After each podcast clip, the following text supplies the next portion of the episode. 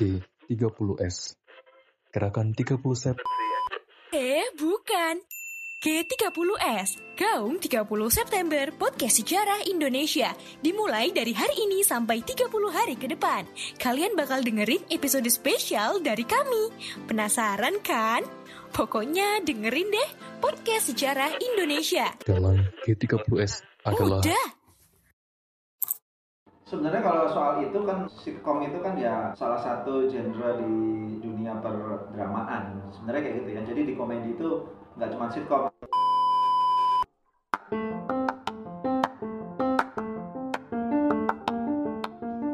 Halo Sobat Poseidon, kalian pasti sudah tidak asing lagi dengan Anchor. Yap, aplikasi penyedia jasa untuk para podcaster pemula dan juga pro. Buat kalian yang pengen mulai nge-podcast, langsung download aja Anchor di App Store ataupun di Play Store. Di sana, kalian bisa nge-podcast dengan banyak banget pilihan background musik. Setelah itu, kalian bisa mempromosikan podcast kalian ke mana pun. Secara otomatis, nanti akan di-sharekan oleh Anchor sendiri. So, tunggu apa lagi? Cus, nge-podcast bareng Anchor.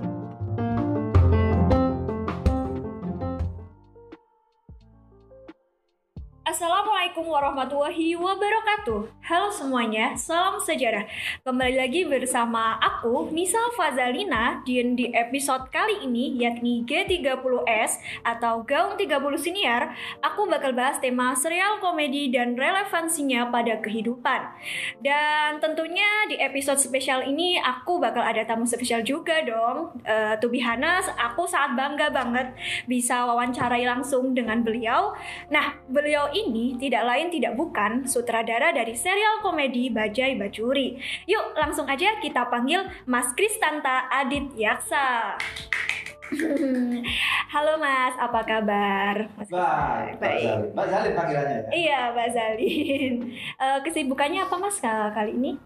Saat ini, Iya, saat ini. saat ini selain sedang uh, wawancara, itu juga ini lebih banyak untuk bikin konten untuk Yayasan Subul Salam Nusantara. Oh, Jadi iya. lebih banyak bikin program-program, terus juga ada kegiatan-kegiatan di rumah.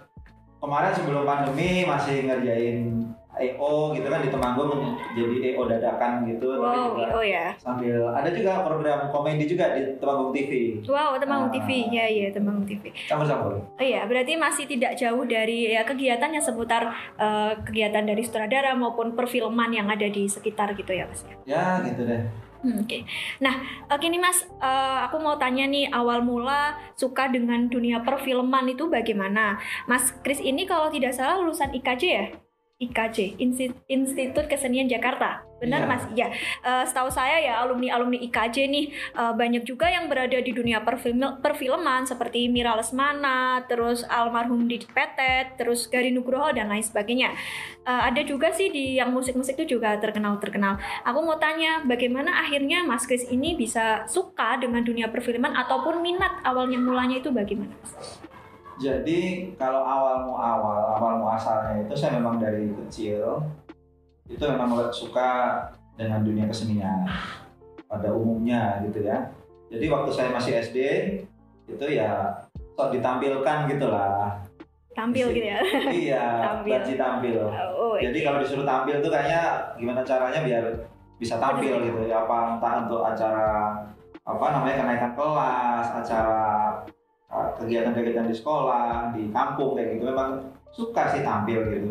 Terus setelah itu aku belum kepikiran saat itu film belum kepikiran tapi waktu di SMA itu sebenarnya lebih menguatkan diri itu ketika SMA. SMA aku di Solo. oh sama di. Solo. Tapi aslinya orang Temanggung ya Mas? Ah, jadi waktu lahir di Temanggung, terus SD SMP itu di Jambi, di Jambi terus SMA di Solo. Nah di Solo itulah kalau waktu masih di Jambi itu masih kepingin aja pengen jadi tentara waktu itu masih. Tentara, awal tentara. Jadi pengen masuk SMA uh, Taruna Nusantara kan? Oh iya, TN, keren, SMA gitu TN, kan, keren. botak-botak gitu. Oh, betul. Top gitu Oke, ya. mantep. Terus maaf ada yang dengerin tentaranya. Ah, terus setelah SMA itu di SMA 2 Surakarta itu iklimnya itu lebih kepada dunia teater dan band-bandan.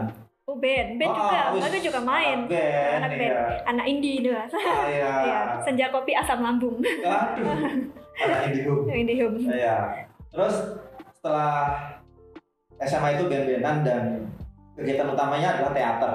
Teater. Ah, jadi kalau band itu untuk untuk ya mewakili sekolah, misalnya ada acara pembukaan waktu itu ada mall di Solo buka baru terus diundang main gitu-gitu. Oh iya, main kecil-kecil. Dari sekitar-sekitar event-event kecil itu ya. Iya, Mas? gitu-gitulah lokalan gitu. Terus di S, di SMA itulah ada salah satu guru teater saya itu memotivasi, udah kamu seriusan aja di di actingan, di film atau apalah kayaknya memang cenderungnya ke sana gitu. Jadi memang waktu itu saya nggak daftar perguruan tinggi apa gitu nggak ada setelah SMA itu memang langsung ke IKJ dan dilalai kayak keterima gitu gitu kan. Memang udah bakat dan sudah seneng juga. Ah gitu terus ngambil jurusan eh ngambil fakultas film dan televisi jurusannya televisi. Televisi. Peminatannya mayornya itu penyutradaraan. Oke, Nah, lebih terus- konsentrasinya ke penyutradaraan. Penyutradaraan. Nah terus eh, saya selain jadi setelah lulus ya, namanya setelah lulus dari IKJ itu dari D3, S1, S2 gitu kan di IKJ semua karena terus akhirnya men- menjadi menjadi apa namanya diminta untuk mengajar gitu lah. Karena kan di luar kan terutama yang mempunyai karya dan syukur-syukur karyanya itu memang ada pengakuan dari masyarakat. Katanya begitu konon kabarnya begitu kan karya saya ada pengakuan gitu terus diminta untuk mengajar. Hmm. mengajar di IKJ di mata kuliah penyutradaraan dan penulisan skenario gitu. Karena memang pekerjaan saya di di lapangan memang di industrinya memang di penyutradaraan dan penulisan skenario ya kira-kira gitu Wah, menarik banget nih. Eh, mungkin itu ya sekelumit atau sedikit cerita dari Mas Kris awal mulanya sehingga eh, beliau bisa masuk ke IKJ dan meneruskan eh, bakatnya sehingga sekarang juga masih kesibukannya juga tidak jauh dari ke persutradaraan tersebut. Oke. Teman, Pak. Iya, perfilman. Oh iya, eh, selanjutnya nih Mas. Eh, Mas Kris ini kan merupakan salah satu sutradara serial komedi Bajai Bajuri ya Mas. Eh, menurut Mas Kris, bagaimana sih sitkom yang seperti Bajai Bajuri ini bisa berjaya pada masanya sehingga memunculkan banyak sitkom lainnya gitu. Bagaimana pada masa itu sitkom ini sangat banyak diminati orang, bahkan kalau tidak salah ya, Bajai Bajuri ini merupakan serial komedi yang tayang sejak tahun 2002 yang berkisah tentang keluarga sederhana Betawi. Kemudian eh, Bajai Bajuri ini merupakan sinetron yang paling lama tayang dan bahkan juga ditayangkan di negara Malaysia nih.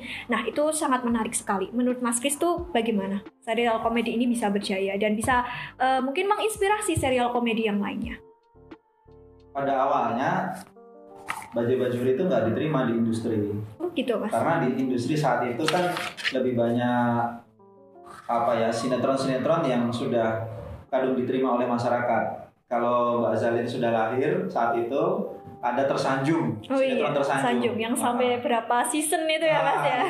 Jadi era-era kayak gitu ada orang kaya nabrak si miskin jatuh cinta, gitu-gitu kan. Oke. Kalau kalau asli padahal ditimpukin tuh kalau di film masa marah-marah kalau aslinya ya. Kalau itu Aslinya. jatuh cinta kalau di sinetron. Nah di era-era sinetron yang seperti itu baju-baju itu nggak diterima di televisi, jadi dimasukkan ke dalam lokernya si si orang TV-nya aja, Hmm. presentasi ke sana ke sini gitu, termasuk Trans TV. Nah terus selang setahun kemudian uh, produk salah satu produser di Trans TV itu kembali melihat uh, dami yang dibikin oleh kantor tempat aku kerja Oh, ini gitu. apa gitu kok ada ada CD gitu kan terus di play di playback terus di mereka bicara gitu di internal mereka ada ketertarikan untuk uh, menayangkan ini akhirnya baju-baju itu dibikin lah Oh, dibikin Dibikin. secara lebih halus lagi ya, se- eh, secara lebih detail lagi gitu.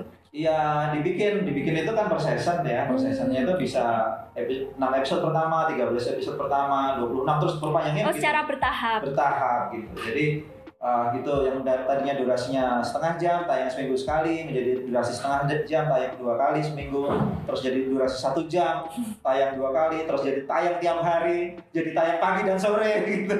Dan tayang lebih lama lagi. Ya itu terus yang sudah diputar di Trans TV diputar juga dibeli juga di stasiun TV lain di SCTV di Antv di Malaysia kayak gitu-gitu kan.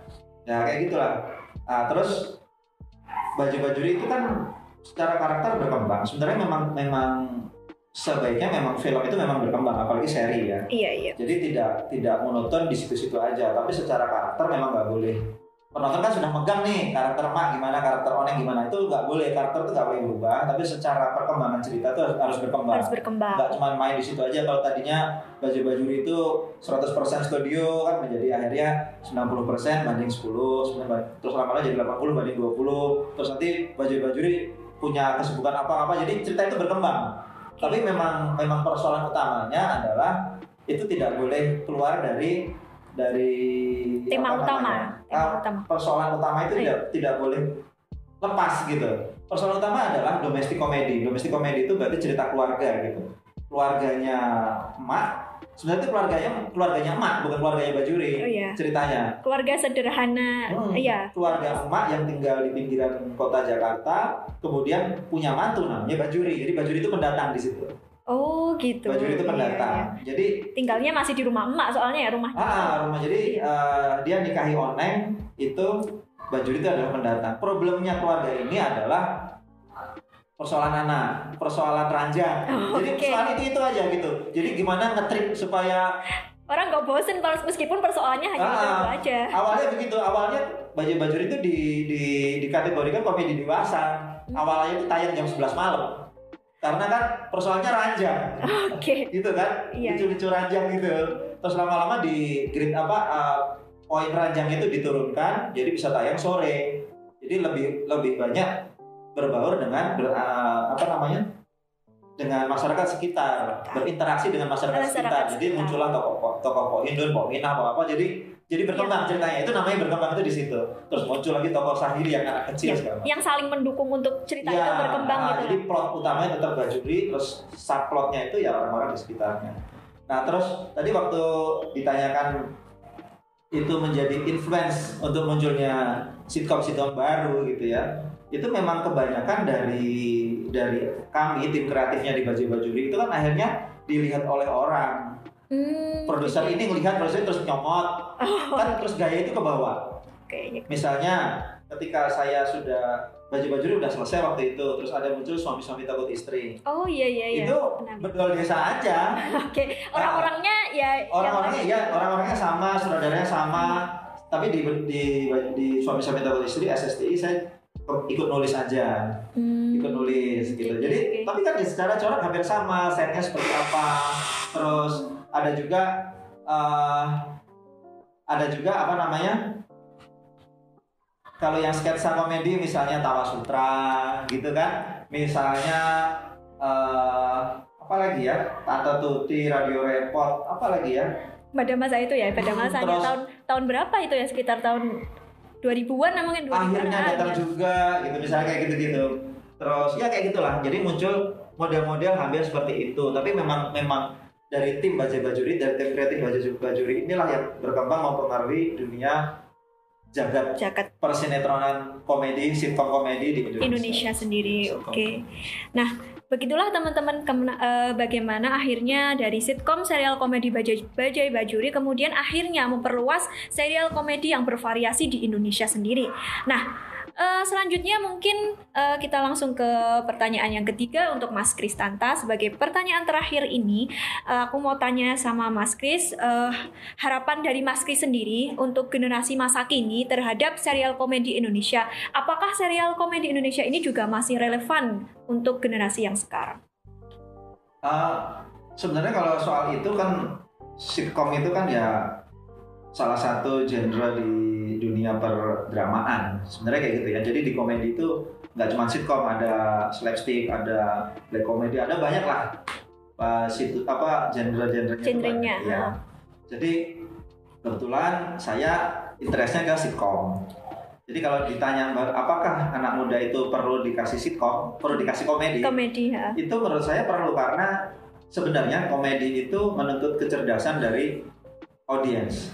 Oh. Kalau yang cerdas pembuatnya aja percuma. Kalau audiensnya nggak cerdas, nggak nggak. Iya karena Nyampe pada gitu. akhirnya kita ingin menyampaikan ke masyarakat gitu ya dari Hmm. perfilman Ah, karena dari serial Kayak misalnya genre yang kami pilih adalah sitcom karena sitcom itu kan situasi komedi. Jadi komedi, situasinya yang dikomedikan. Kalau penonton itu tidak nyimak sebelum-sebelumnya, maka ketika ada lucu penonton tidak nggak ngerti Nggak lucunya ngerti, apa. lucunya di mana? Karena di sebelumnya ada pengantar. Beda dengan slapstick. Kalau slapstick itu kan uh, fisik fisik gitu. Orang kecemplung kolam renang ketawa. Spontan di saat itu. Oh iya, ya itu sebutan itu ketawa. Kepleset pisang ketawa gitu. Oke. kejatuhan apa ketawa gitu ya. Itu itu slapstick ya. Kalau sitcom itu enggak. Situasi komedi artinya memang situasinya. Jadi kalau ditanya perlu ya memang buat buat saya perlu sih. Karena artinya ketika penonton bisa memahami sitcom penonton pasti penonton penonton yang cerdas. Cara untuk menciptakan penonton penonton yang cerdas itu ya tanggung jawab semua orang lah semua elemen bagaimana membuat orang itu cerdas kayak gitu kan Oke, karena memang dari serial komedi sendiri itu nggak yang spontanitas eh, lihat apa lucu, lihat apa eh, ketawa gitu nggak. Tapi eh, kita juga kadang harus mikir, oh ini ad- apa ya berkaitan dengan apa atau berkaitan dengan peristiwa apa itu di Iya, serial komedi kalau- sangat sangat dijelaskan sekali. kalau melihat proses produksinya nggak ada ketawa-ketawanya kita sepanem kita bikinnya. Subhanallah. karena Mbak Zalin cerita sebagai penulis skenario saya punya tim grup writing group gitu. Menurut cerita kamu lucu tapi begitu diterima di grup lucunya di mana sih? gitu. Yang yang yang punya konsep lucu ketawa sendiri hahaha gitu. Kok kalian nggak ketawa sih? Ya lucunya di mana? gitu. Jadi kita tegang maksudnya bukan tegang marah-marahan berantem gitu enggak tapi pada konsep ketika di tim ini di grup ini lucu itu sudah me- apa mewakili penonton Indonesia. Penonton Indonesia. penonton yang universal. Iya. artinya Tetap- karena karena di penulis itu kan beragam. Ada yang basicnya itu guru ada yang basicnya itu pengusaha ada yang basicnya itu uh, segala macam lah. Oh, jadi iya, oke. ketika dan ada yang tinggal di real estate ada yang tinggal di gang jadi mewakili orang-orang Indonesia yang memang ragam gitu.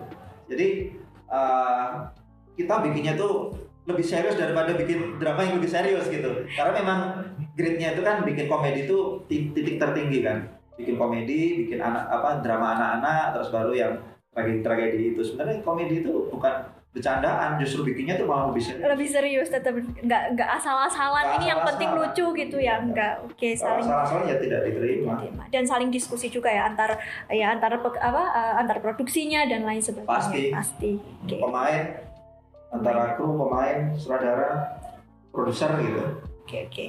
Nah eh, seru banget ya obrolan kita kali ini dengan Mas Kristanta. Oke terima kasih banyak Mas Kris yang sudah mau bergabung dengan Poseidon atau podcast sejarah Indonesia. Lain kesempatan semoga kami bisa bertemu dan mengobrol lagi tentunya dengan tema yang menarik lainnya. Ya makasih juga jangan kapok ya Siap mas. Eh, Oke, eh, baik teman-teman. Tidak lupa saya mengingatkan kalian kembali untuk stay safe, stay healthy, stay happy, dan jangan lupa follow Instagram Instagram kami di @podcast underscore sejarah Indonesia. Follow juga mungkin Mas Kis Instagramnya apa? Kristanta C H R I S T A N T A underscore A D H Oh, underscore. atau channel eh, apa namanya sinema saya di CTV DCTV TIVI Iya. DCTV Silakan ya teman-teman bisa di follow ataupun di subscribe. Oke teman-teman eh, demikian yang dapat aku sampaikan dan salam BTS Bineka Tunggal Suara berbeda-beda tetapi tetap satu suara Indonesia. Wassalamualaikum warahmatullahi wabarakatuh. Terima kasih